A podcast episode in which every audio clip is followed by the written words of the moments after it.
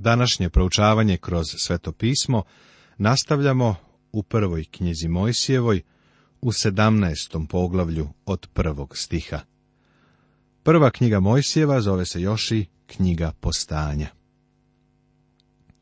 Poglavlje 17. Mnogi smatraju da je 17. poglavlje izuzetno poglavlje prve knjige Mojsijeve. U njoj Bog sa Avramom sklapa savez i potvrđuje mu obećanje za sina. Bog obaveštava Avrama da Ismailo nije sin kojeg mu je on obećao. Na neki način ovo poglavlje je ključno za knjigu postanja, a možda i za celu Bibliju. Božiji savez ili zavet sa Avramom odnosi se na dva važna pitanja, na seme i zemlju. Bog se Avramu otkriva pod novim imenom El Shaddai, svemogući Bog, ali i Avramu daje novo ime. Sve do ovog momenta njegovo ime je bilo Avram, a sada je promenjeno u Avram. Avram znači praotac, a Avram znači otac mnogih. Ovo poglavlje također veoma jasno pokazuje da Ismailo nije bio sin koga je Bog obećao Avramu. Bog se Avramu objavljuje pod novim imenom i Avramu daje novo ime.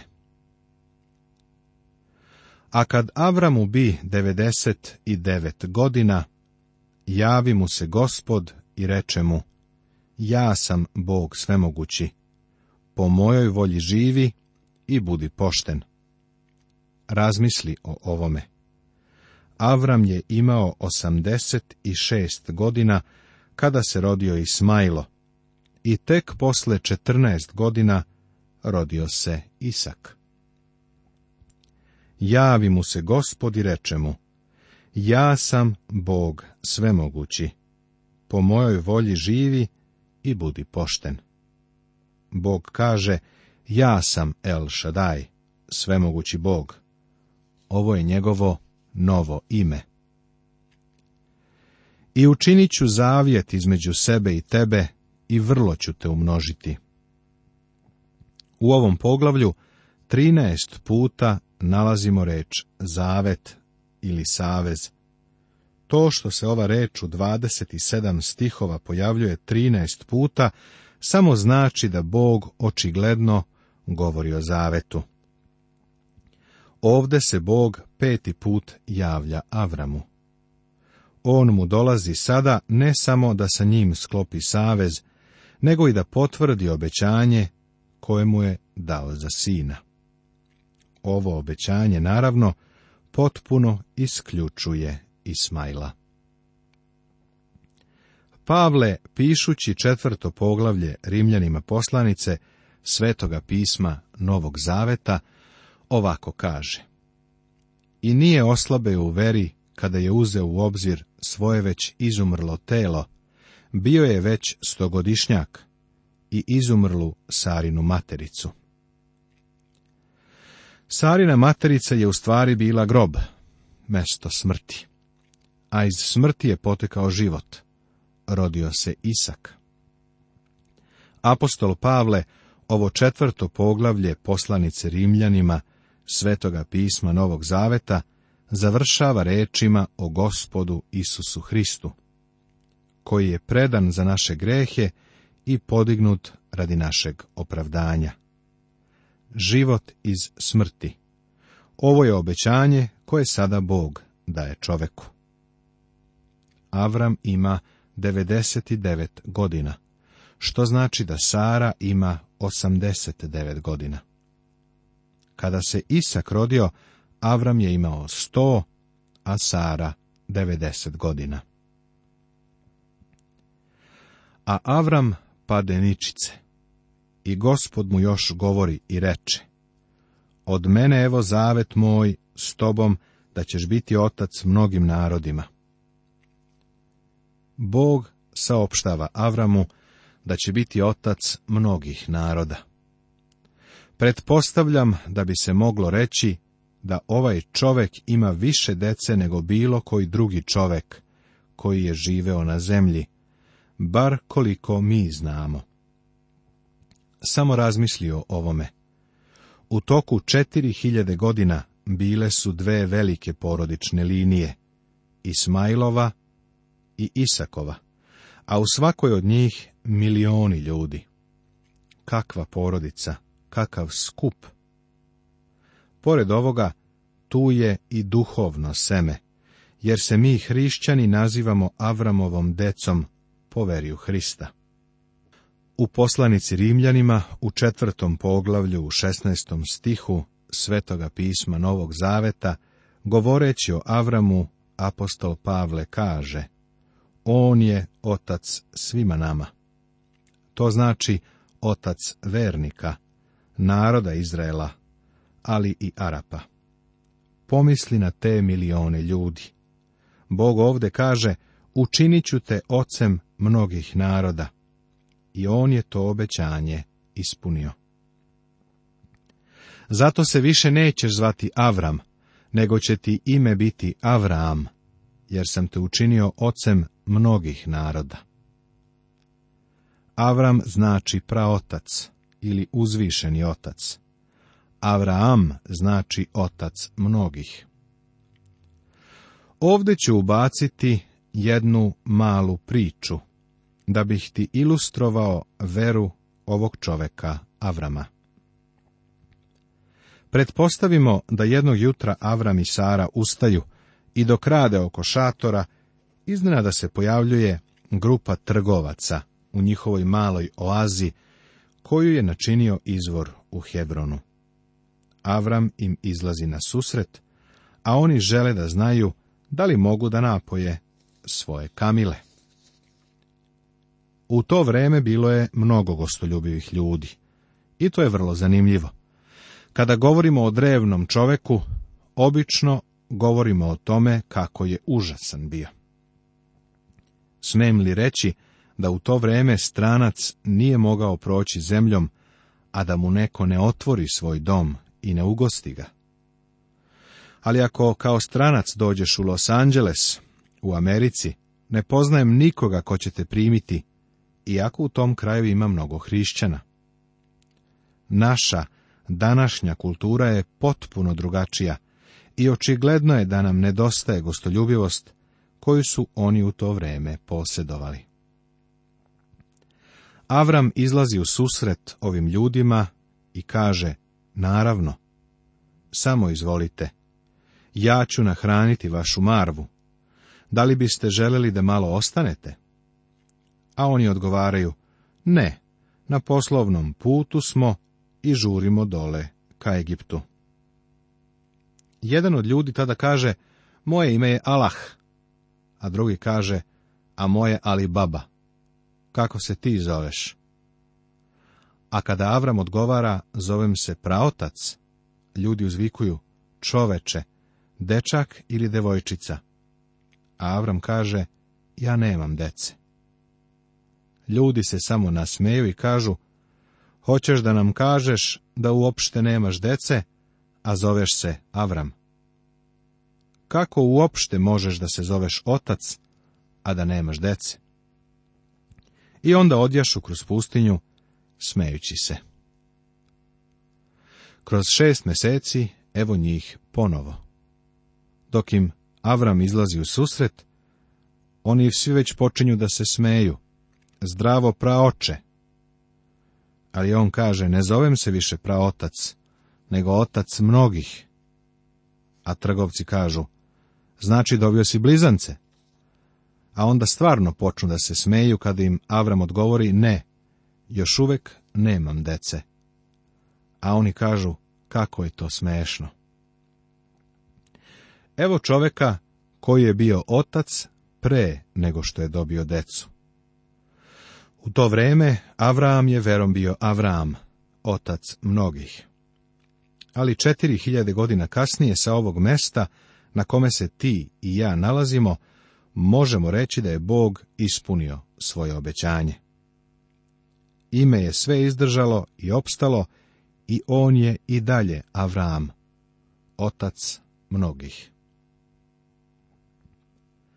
Boži zavet o semenu i zemlji. Daću ti porodicu vrlo veliku i načinit ću od tebe narode mnoge, i carevi će izaći od tebe. Da li je Bog ispunio ovo obećanje? Naravno da jeste. A postavljam zavet svoj između tebe i sebe i semena tvoga nakon tebe od kolena do kolena, da je zavet večan, da sam Bog tebi i semenu tvojemu nakon tebe. Kakav je zavet ili savez Bog sklopio sa Avramom? Večni savez. Ako je večan, da li je i danas dobar? Sigurno jeste. Bog je tebi i meni obećao večni život, samo ako poverujemo u Hrista. Ovo je zavet koji je Bog načinio. Prijatelju, ako Bog nema nameru da ovaj zavet sa Avramom ispuni, bolje bi ti bilo da opet ispitaš svoj. Ali imam novost za tebe. On će da ispuni i održi ovaj zavet sa tobom, a ispunit će i zavet sa Avramom. I daću tebi i semenu tvome nakon tebe zemlju u kojoj si došljak, svu zemlju Hanansku u državu večnu i bit ću im Bog. Bog govori Avramu šta će on učiniti. Bog kaže, daću. Daću ti plodnost i od tebe ću načiniti narode. I između mene i tvoga semena ću uspostaviti zavet. I tebi i tvome semenu posle tebe daću svu zemlju Hanan u večno nasledstvo. Bog je sa ovim narodom sklopio zavet i to je večni zavet. Pošto je takav, ne može se lako raskinuti i pritom ovo nije zavet koji će isteći. Bog im nije dao 99-godišnji zakup zemljišta. Bog im je tu zemlju dao u večno nasledstvo. Jevreji su u tri navrata bili u toj zemlji. Ta zemlja je njihova. Međutim, važno je istaći to da je oni zauzimaju samo pod određenim uslovima. Pre svega, Bog ih je poslao dole u Egipat i oni su se tamo raširili. Otišli su kao porodica od nekih sedamdesetak članova, a vratili se kao narod od najmanje milion i po ljudi. Ponovo su, u doba vavilonskog ropstva, oterani iz svoje zemlje, zato što su se odali idolopoklonstvu i nisu svedočili o Bogu.